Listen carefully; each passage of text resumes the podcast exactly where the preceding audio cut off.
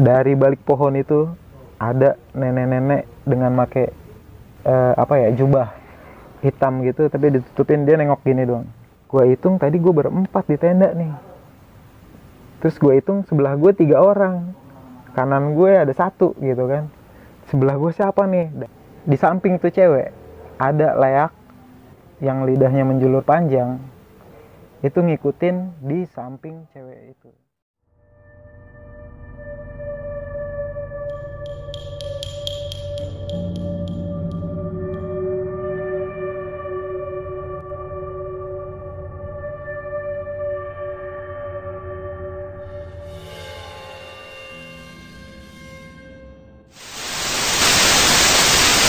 Assalamualaikum warahmatullahi wabarakatuh. Balik lagi bersama gue Indra di Besok Pagi Channel. Kali ini gue balik lagi bersama Bang Ari Yang pernah gue kulik video sebelumnya di cerita pendakian lo di Argopuro ya Ri, ya? Iya Argo Puro Nah kali ini gue pengen mengulik kembali ceritanya Bang Ari di pendakiannya Gunung Cermai. Di Gunung Cermai ini Bang Ari sempat tidak mau mendaki gunung lagi karena mengalami kejadian-kejadian yang di luar batas nalar lu ya Ri. parah Trauma banget lu ya pada masa itu ya. itu trauma banget gua sampai setahun lebih nggak naik gunung lagi Gara-gara itu. Ciremai, iya netralin lagi Sejuta kisah juga di Cermai. Banyak di gue dengar dari beberapa para pendaki yang mengalami terutama kejadian mistis ya. hmm. dan gokil banget sih cerita-cerita di Cermai itu kayak Iya. apa. Nah, sekedar mengingatkan kembali dalam video gua kali ini dan sebelumnya bahwasannya video gua kali ini bukannya untuk menakut-nakuti ya, Hmm. tapi hanya sekedar berbagi pengalaman iya lo Cerita. eh, dan gua juga sempat membagi pengalaman pendakian gua. Mm-mm. Pokoknya intinya kita bukan untuk menakut-nakuti dan untuk mempersingkat waktu langsung aja Ri kita ceritakan nih. Nah, Silakan Ri. oke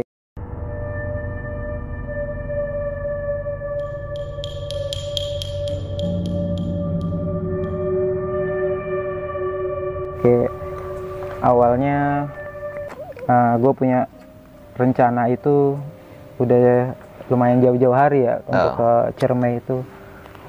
Jadi sekitar 10 orang udah oke, termasuk gue juga. Kita eh, sore ketemu di base camp, di base camp rumah teman salah satu itu untuk packing dulu di situ. Itu sore. Kita berangkat malam jam 9-an biar sampai sana pagi kan. Ah. Terus eh, bisa ngurus simaksi dan trekking gitu. Jadi ya udah 10 10 orang kita jalan sampai ke base camp Palutungan itu packing ulang lagi terus eh, kita sarapan dulu sama sekalian apa simaksi kan. Nah udah setelah beres semua ya udah kita mulai trekking pagi itu. Pagi itu kita trekking itu anak-anak apa ya saya eh, anak-anak sekolahan semua. Ah, jadi sekitar 6-7 orang itu anak sekolahan gitu. Dan ada perempuannya satu. Jadi 9 orang laki-laki semua. Eh, masih biasa sih kalau pagi. Jadi kita udah jalan-jalan santai gitu. Ada lahan kosong ngebrik gitu kan. Ah. ya udah. Apalagi yang ngelewatin sawah yang panjang. Ah. terus eh, ada pos juga gitu kan. Ya udah kita ngebreak dulu nyantai. Terus eh sampai-sampai di eh, apa namanya? Oh sebelum Cigowong itu itu kan ada kayak Kalimati ya? Ah. Kalimati itu. Nah itu sempet temen itu teriak woi gitu.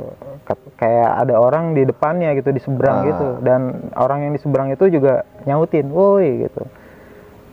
Terus gue inget kan "Lah, kayaknya ini eh, nggak boleh teriak gitu deh kayak kan gitu ya. Ah. Apal- apalagi dulu kan masih tahun berapa itu? 2013 terus ya udah ya udah cuek aja. Terus dengar cerita yang popi-popi pohon pisang. Oke, ya iya, kan? iya. sebelum Cigowong. Ah, temen pakai bilang lagi sampai situ.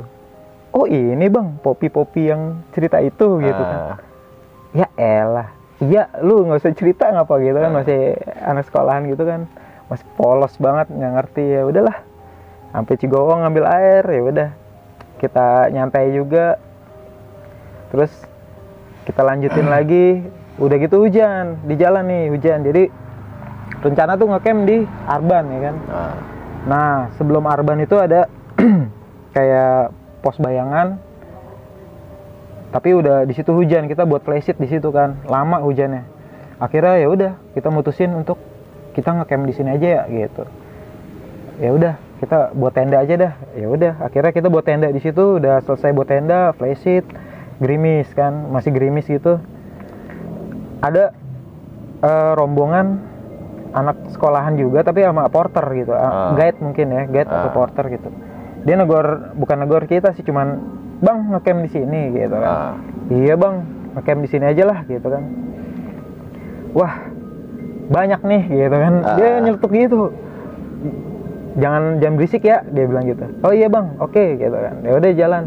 Ya anak-anak ini kan nggak punya pikiran apa ya omongan kayak gitu nggak ah udah bodoh gitu.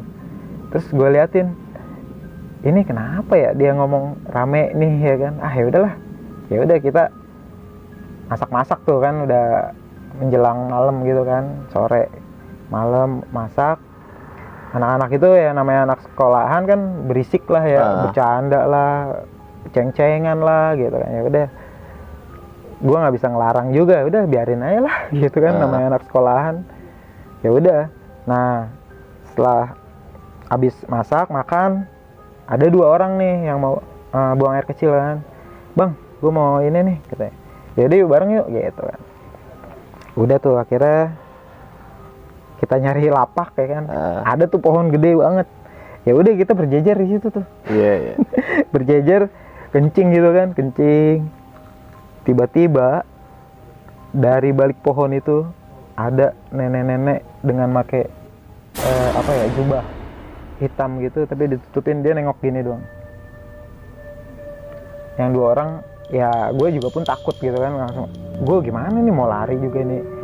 Apa namanya ibaratnya rumahnya mereka kan gitu kan mau lari mau ke mana? gitu.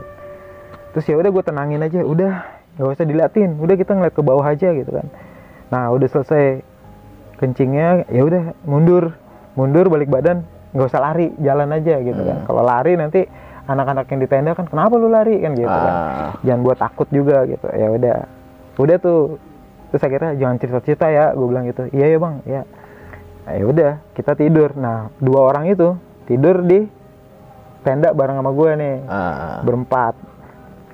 Berempat nah karena abis hujan itu gue nggak ngerasa dingin. Gue nggak ngerasa dingin dan akhirnya SB gue gue jadiin bantal SB temen dibuka buat jadi selimut kan Ah. gitu kan. Ya udah kayak gini aja lah. Nggak dingin ini ya udah nggak dingin. Ya udah selimutan. Dua orang sebelah kanan gue udah ngorok semua ya kan. Ya udah gue tidur. Nggak sengaja gue senggol kaki temen gue ya kan. Ah. gue senggol kaki temen gue kok dingin banget ini ya kayak apa ya kayak kaki beku es gitu lah Ah, otomatis kan gue langsung nengok kenapa temen gue ini ini? Apa hipo kan gitu kan tapi kok dia ngorok gitu maksudnya tidurnya akhirnya gue nengok ke kiri loh. Gue hitung tadi gue berempat di tenda nih. Terus gue hitung sebelah gue tiga orang kanan gue ada satu gitu kan. Sebelah gue siapa nih? Dan orang yang gue senggol itu ada di tengah-tengah posisinya kan gini di tengah-tengah tuh. Gue lihat dia pakai eh, kupluk nutupin sampai mata sini Hi- itu hidung ke bawah ke mulutnya itu pucat banget putih. Itu gue lihat karena lampu lampu tenda gue itu yang setelan eh, tidur yang kecil Ah. nyala tapi yang kecil ya setelannya gue lihat wah ini siapa nih ya gitu kan. Ya udah gue pantatin dong. Ah. gue pantatin langsung. Ini jantung dik dik dik dik dik, cepet banget. Sampai gue senggol temen gue yang di depan gue ini untuk ngelihat ke belakang. Hitung ada berapa orang tapi gue hanya kode doang ya kan. Ini siapa nunjuk nunjuk gitu. Terus dia juga bangun ngeliatin ngitungin. Kok ada lima sama gue gitu kan. Terus dia tidur lagi dan dia ngerasa tenda itu diputerin sama pokoknya dia denger rame ada pendaki lagi naik malam-malam. Sampai dia bangun ngeliat ke apa namanya eh, pintu dibuka gitu kok nggak ada? gitu kan. Ah ya udahlah biarin. Tapi itu masih tidur di situ. Ah. dan gua nggak bisa tidur gua gue mikir ini udah lama banget ini udah hilang kali ya. Pas gue lihat jam baru setengah jam kok lama banget ya jamnya ini? Sialan udah gua nggak bisa tidur di situ. Nggak bisa tidur. Tiba-tiba gue bangun itu udah jam 7 pagi. Dan teman gue juga wah kita summit juga kesiangan nih kan gitu kan jam Ah. 7 dari pos bayangan di bawah Arban itu. Wah gimana nih? Summit nggak? Gitu kan. Ya udah dah masak-masak belum kan buat sarapan. Ya udah akhirnya kita summit gitu. 10 orang jalan terus sekitar jam berapa sampai pos tanjakan Asoy. Eh, yang perempuan tadi ini langsung apa lagi apa hide Datang bulan. di situ juga datang bulan. Wah gue dapet nih gitu katanya. Wah terus gimana nih gitu kan. Ya udah bang. Eh, gue nemenin cewek gue dah. Maksudnya nggak nggak naik gitu kan. Hmm. gue gue di tenda aja dah masak gitu. Ya udah ternyata tujuh orang yang yang nggak mau naik nggak mau Ah. muncak ya kan? Ya udah dah kalau kayak gitu mah gue bertiga aja deh gitu kan. Kan banyak barengan juga nih. Ya udah gue naik tuh. Udah sampai puncak jam 12 Ah, sampai puncak jam 12 siang. Nggak dapet view juga dapatnya kabut. Ya karena Ah. karena emang gue lihat dari base camp tuh kemarin juga apa namanya setengahnya itu hmm. dikelilingin kabut gitu kan putih. Wah dapat badai doang nih di atas anginnya kenceng gitu kan. Ya udahlah udah sampai puncak bertiga kita foto turun yuk udah turun yuk. Ya udah turun gitu. Udah turun dah. Nah kan gue lari nih. Eh nggak nggak lari sih masih mau ke bawah alet gue turun. Itu kabut tebel. Itu gue lihat kan karena gue paling depan ya. Gue lihat ada harimau putih hitam ngelewatin menyilang gitu. Jadi antara eh, jurang kiri dan ke, ke jurang kanan gitu. Set lewat. Ya gue berhenti dulu tuh. Eh berhenti dulu. Kenapa bang? Nggak apa-apa gitu. Gue gue liatin oh udah hilang. Ya udah yuk lanjut lagi gitu. Nah dari gua walet kan jalanan enak tuh untuk Ah. apa pertigaan. Ah, Apu ya sama Palutungan. Ya gue Wow. agak-agak lari gitu kan. Tapi di sela-sela gue lari ini gue sambil kayak ngelirik ke kanan kiri. Kok ada yang ikut lari juga nih kayak monyet buntut panjang kecil putih. Ah, itu lompat-lompat gitu kan tek tek tek, tek. gue lari terus gue berhenti sambil nengok. Gue cari-cari wah kok nggak ada ya? Tadi apa ya? Apa gue perasaan atau hmm. apa halu gitu kan karena capek gitu. Ya udahlah. Kenapa bang? Udah turun lagi yuk lari. Ya udah turun. Set. Nah udah turun sampai tempat gua camp ternyata anak-anak gue masih masak yang belum selesai. Gue bilang ih ngapain aja lu? Gue bilang bukan dari tadi masak jadi udah di packing terus kita turun tinggal langsung gas gitu. Karena kan Ah. gue sampai bawah tuh sekitar jam setengah tigaan lah. Setengah tiga. Ya udah akhirnya ya udah masak makan baru packing. Sekitar jalan lagi turun ke bawah itu jam 4 lewat deh 4 lewat kita turun ke bawah. 4 lewat kondisinya tuh cewek kan lagi dapet ya kan. Hari pertama lagi udah dah. Uring-uringan dah terus langsung cepet capek ya kan. Ah. dikit-dikit istirahat istirahat gitu. Nah mau sampai pos 1 itu eh, sekitar maghrib. Itu udah mau jalan batu-batu turun kan.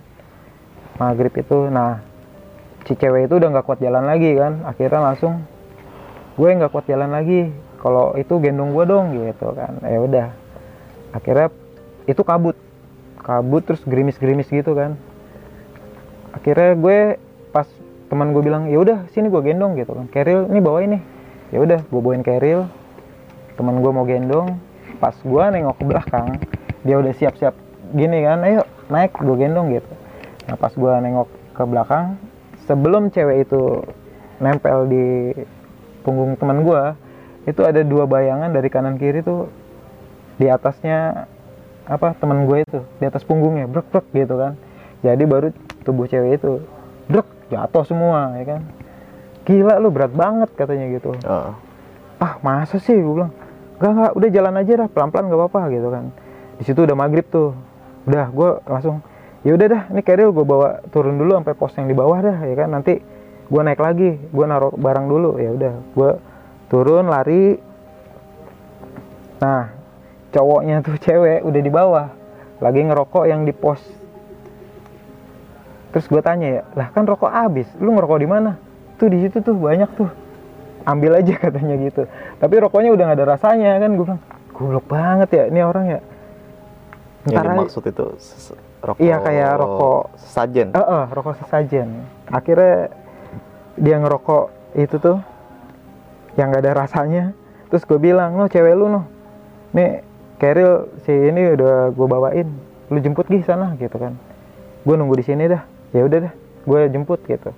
Ya udah gue sambil nungguin di situ kan udah lewat maghrib ya kan, menuju Isa tuh.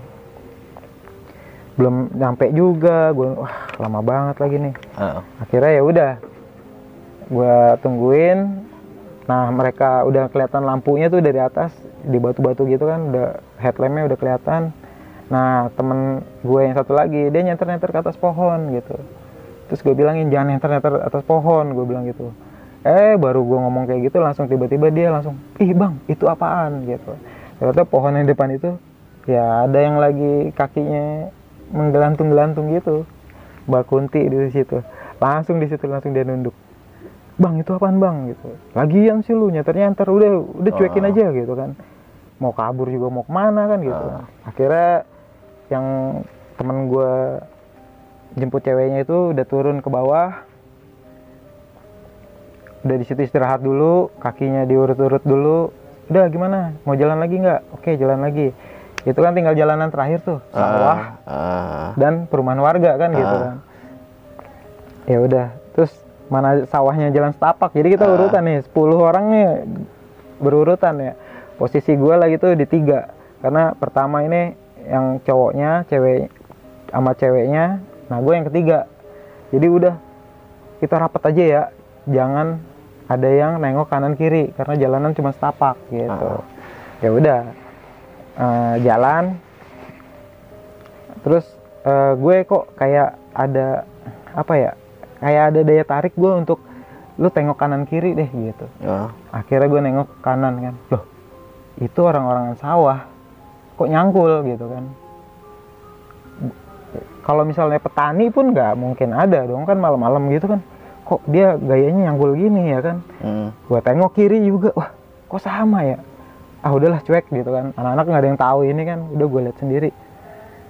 Nah terus tiba-tiba di samping tuh cewek ada leak yang lidahnya menjulur panjang itu ngikutin di samping cewek itu. Ya, kondisi ceweknya itu digendong atau gimana? jalan tapi pelan. jalan tapi pelan. Karena kan gue pepet terus kan pokoknya jangan sampai ada celah nih gitu kan. Udah itu leak itu ngikutin di samping terus nah karena gue di belakang yang lihat dong kan eh, tujuh orang di belakang juga pasti dia ngeliat ke depan wah itu apaan gitu kan Hmm. Nah udah, gue bilang, Cak, jangan nengok ke kanan ya, gue bilang gitu. Udah lihat ke bawah aja, ya. Ya, namanya cewek penasaran kan, akhirnya Ah. dia nengok kanan kan. Nangis langsung seketika di situ langsung nangis. Udah langsung nunduk.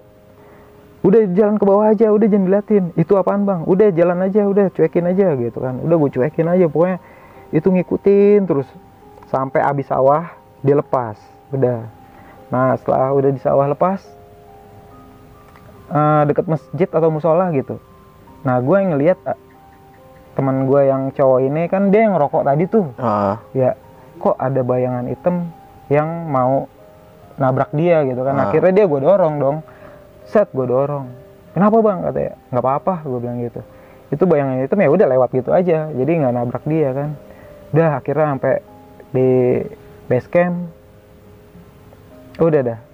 Pada ini semua ya kan cerita-cerita tentang wah itu bang ini bang katanya yang cerita-cerita kita di pohon lah ngeliat nenek-nenek. Terus yang ini tidur. Iya gue bilang iya gue sama. Lu gimana? Iya yang tenda sebelah ternyata juga sama diputerin gitu tapi nggak ada yang tidur itu juga. Terus gue tanya tuh sama warga sana tuh ada tuh bapak-bapak siapa gitu? Jadi cuman gue nanya gini pak saya ngelihat eh, macan atau harimau eh, harimau ya harimau yang gede banget gede banget pak. Itu hitam putih hitam putih gitu. Wah kamu ngeliat di mana? katanya di Goa Walet pak gitu kan. Soalnya lagi kabut terus dia lewat gitu. Tapi antara jurang ke jurang gitu kan. Hmm. bukan satu jalur gitu. Hmm. Oh iya itu saya juga dulu pernah berantem sama itu harimau gitu. Heeh. dan ini cakarannya gitu kan. Terus gue liat itu makhluk eh binatang beneran atau makhluk pak? Gue bilang kok bisa berantem apa mau kayak gitu kan? Lagian juga misalnya di hutan kan paling di hutan bawahnya yang ada. Nggak mungkin di atas kan. Ya itu penghuni sini katanya gitu. Oh gitu pak. Gue bilang ya udah gue ngeliat gue ceritain bla bla bla. Ya udah akhirnya kita udah bersih bersih packing lagi kita mau balik kan. Nah udah kita naik mobil nih. Udah udah naro naro barang. Palutungan itu kan turunan ya ke bawah. Heeh. terus supir ngerasa kok berat banget gitu kan. Langsung supirnya nanya mas ada yang kena nggak gitu? Maksudnya kena itu kan ada yang ketempelan atau kesurupan nggak? Hmm. oh iya pak. Kita nggak nggak maksudnya kenanya itu cuman diikutin sama ini doang sih kayak apa namanya? Ya pokoknya diikutin lah. Nggak ada yang kemasukan kok pak gitu. Mobil kok berat banget ya. Saya turun ke sini kan harusnya nggak ngegas. Ini saya harus ngegas gitu. Ya udah kalau kayak gitu eh, nanti kita di perbatasan kita bersihin gitu. Gue bilang emang kenapa pak? Ada apaan? Gitu kan. Ini banyak monyetnya katanya. Wah monyet apa nih? Gue bilang gitu kan. Ya udahlah gue ngambil pusing sambil nunggu nyampe perbatasan pom bensin lah gitu ya. Dia Hmm. langsung ke pom bensin berhenti ya udah suruh keluar semuanya. Ya udah gue bagus juga tuh supirnya ngerti gitu kan. Ah. kalau kagak buset itu karena pas turun sampai base camp itu kaki kanan semuanya 10 orang itu pada berat semua sakit semua. Jadi ternyata kaki kanan yang monyet ternyata monyet itu ada di kaki kanan pada ngelantungin kaki kanan kita semua. Pas kita naik mobil dan itu dia menuhin mobil itu. Jadi mobil itu berat katanya si supir kan. Ya udah udah dibersihin eh, di apa pom bensin disiram air gitu dibersihin terus udah yuk udah beres nih kita kita pulang katanya. Oh ya udah. Berarti udah nggak ada apa-apa nih pak gitu kan. Insya Allah nggak ada apa-apa katanya. Oh ya udah. Ya udah kita pulang dengan membawa trauma yang wow. Di situ gua gila ya gue dari naik sampai turun bikin gue nggak mau naik gunung lagi nih ya kan. Nah dari situ gue sempet setahun udah nggak naik gunung lagi gara-gara kejadian itu. gara-gara kejadian itu. Itu yang bikin gue pikirannya itu layak gue bener-bener ngeliat. Dan orang sebelah gue nenek-nenek. Aduh baik banget dah gue bilang kejadiannya. Eh, tapi pas waktu lu sampai rumah sama teman-teman lu itu nggak merasakan hal apa-apa ya? cewek itu. Masih merasakan masih sampai rumah? merasa Heeh. dan dia sempat dibawa ke guru ngajinya gitu. Jadi kayaknya masih ada yang nempel dibersihin. Karena kan dia lagi dapat posisinya Ah. lagi gitu kan. Jadi ya udah diikutin sampai rumah gitu dia nggak bisa tidur dia nggak bisa tidur terus kata jangan kan dia gue juga nggak bisa tidur kan Ah. mikirin anjir gue ketemu ini pokoknya kebayang terus dah selama berapa bulan itu sialan nih gue nggak bisa move on nih dari Cerme. pengaruh cermai ini gitu Oke. Nah, Ri, ini gue pengen ulas balik lagi nih tentang beberapa kejadian mistis yang lo alami di Gunung Cermai ini kan lo sempat dinampakin sosok nenek-nenek. ah, nenek-nenek Nah, yang dinampakin itu kan yang gang, yang ngelihat itu kan bukan lu aja ya. iya bertiga Itu kayak gimana sosoknya? Ri? jadi dia pakai jubah ya bukan kayak apa ya nenek sihir yang itu sih jadi dia emang pakai jubah hitam gitu bajunya hitam mukanya ya biasa datar. Ngeliat ke gua tuh datar. Cuman kayaknya marah kayak lu jangan kencing di sini mungkin gitu ya. Ah. jadi kayak ya udahlah. Gue udah pasrah juga kan ngeliat ah udahlah. Gue salah nih. Tapi dalam hati gue langsung gue minta maaf ya gitu. Ah, gue minta maaf. Tiga-tiganya lu ngencing di situ ya. tiga-tiganya gue ngencing di pohon itu. Nah, setelah itu lu melihat eh, si harimau itu ya, itu wujudnya benar-benar lu lihat. itu bener gue lihat gede banget mungkin kalau gue berdiri itu setara lah berdiri sama dia itu Nah, di sini gua mendengarkan cerita lu nih banyak banget kejadian-kejadian yang sangat di luar batas nalar ya. iya Nah, salah satunya gue pengen sangat penasaran banget sama lu ten- tidur di tenda nih sama sosok yang bukan teman lu atau bisa kita katakan gaib lah ya. iya. Itu yang lu rasain gimana, Ri? campur aduk. Itu gue mungkin tahu ya. Itu style pendaki juga gitu kan style pendaki. Cuman ya pada saat gue tahu eh gue sentuh kakinya nggak sengaja gitu kesentuh kakinya dingin banget. Dan gue langsung wah ini ya mungkin dia juga bisa baca hati gue kan karena Ah. kan dia tahu kan isi hati. Jadi Mm-mm. gue takut takut takutnya itu pengen ngapain juga bingung kan. Ya udah bisanya diem aja. Sambil gue nungguin cepet pagi cepet pagi cepet pagi gitu. Dan sampai pagi dia Eh, nggak tahu gue nggak tahu itu hilangnya jam berapa tapi gue ketiduran terus bangun jam 7 dan udah nggak ada. Lu bisa tidur dalam kondisi kayak gitu. dipaksa untuk tidur tapi Gila itu ini. gua kebelakangin gue Ah, belakangin dia gue ah. belakangin ya gimana salah juga sih kan gue udah inget dengan kata jangan berisik ya Ah. kita berisik gitu kesalahan-kesalahan itu yang membuat situasi pada malam itu saat mengganggu lu dan iya tim lu juga di situ ya. Heeh.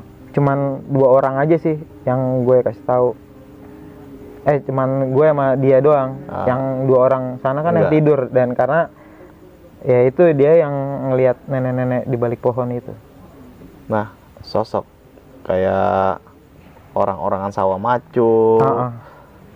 Itu benar-benar lu lihat nyata. tuh. itu gue lihat karena malam ya Ah, itu kan eh, sawah los ya Hmm. jadi gue ngeliat dengan bayangan misalnya itu pohon, pohon pisang atau Ah. apa kan gue tahu itu kan maksudnya dengan bayangannya hitam doang gelap dan itu ya dia nyangkul bergerak gitu andai kan kena angin juga kan kanan kiri orang-orang sawah dan Ah. kalau petani juga bu nggak mungkin dong Malam-malam.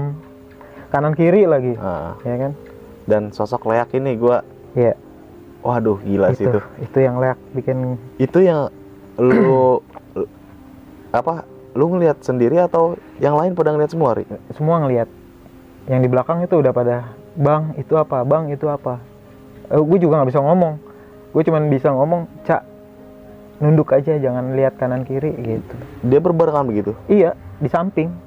Di samping mukanya gini terbang. Dan gue belakangnya pasti ngeliat dong cowoknya yang di depan malah nggak ngeliat dia. Ah, cuek aja. Pasti cah yang lihat ini nangis langsung cowoknya kenapa? Udah nunduk aja jalan terus. Jangan jangan berhenti jalan terus gue bilang gitu. Oke. Banyak lah ya pengalaman mistis yang lu alami di Gunung Cermai sampai akhirnya lu memutuskan untuk kayaknya gua break naik gunung dulu dah. break setahun Nah, lu punya pesan-pesan gak, Ri, buat teman-teman sekalian nih tentang kejadian lu seperti ini? apa ya pesannya ya mungkin ya attitude kali ya di gunung kan eh attitude ya di gunung itu ya dibilang pertama gue dengan eh, porter yang lewat itu jangan berisik ya di sini gitu Ah. ya itu gue salah mendingan harusnya kita turutin gitu maksudnya Ah. jangan berisik ya udah kita Ah. tenang aja mereka juga nggak akan keganggu gitu kan Ah, mungkin keganggunya karena ya gue berisik gitu sa- satu malam lu diteror satu Nenek-nenek. malam itu gue teror nenek-nenek terus si sosok pendaki yang gaib iya itu. pendaki gaib Oke, mungkin sangat lengkap sekali cerita yang gue tangkap dari Bang Ari ini. Balik lagi, gue mengingatkan bahwa sannya yang diceritakan Bang Ari ini bukan untuk menakut-nakuti kalian semua. Ambil sisi positifnya, buang buruknya. Dari gua, Indra, dan Bang Ari. Sampai jumpa di video-video gue berikutnya. Wassalamualaikum warahmatullahi wabarakatuh.